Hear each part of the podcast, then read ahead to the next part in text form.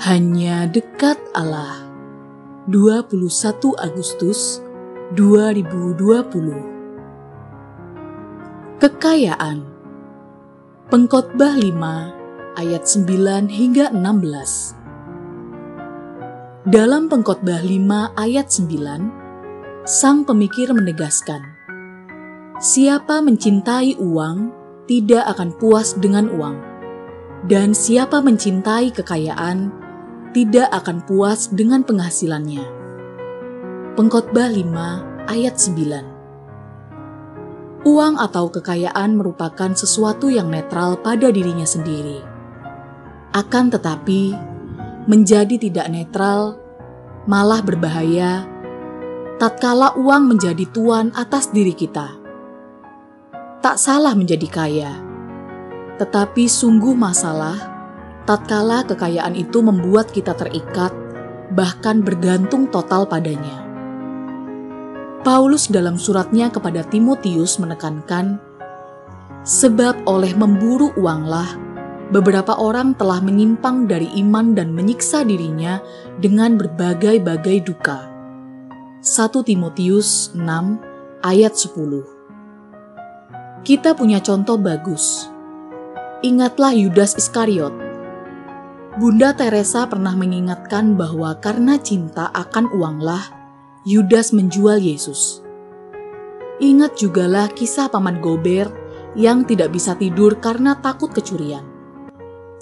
Sejatinya uang cuma alat, bukan tujuan. Uang itu sarana. Oleh karena itu, kita perlu mengelolanya menguasainya, dan bukan sebaliknya. Nah, ini persoalannya. Kadang orang berpikir bahwa dia menguasai harta, tetapi sering kali itu yang dikatakan pengkhotbah. Banyak orang enggak bisa tidur karena memikirkan hartanya.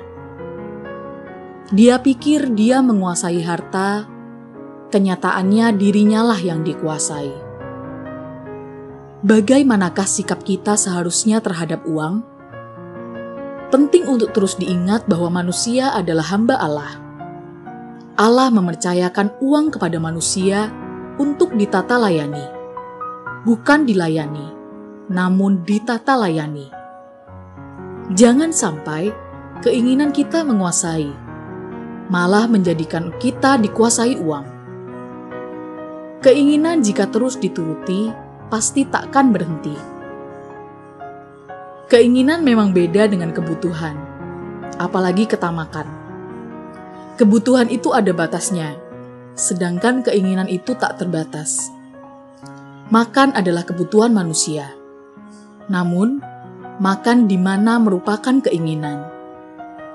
Yang namanya keinginan itu tak akan ada habisnya. Agaknya, kita memang perlu belajar membedakan antara keinginan dan kebutuhan. Akan tetapi, yang paling bahaya adalah makan siapa. Inilah ketamakan. Dan hidup macam begini pasti sia-sia. Salam semangat dari kami, Literatur Perkantas Nasional. Sahabat Anda bertumbuh.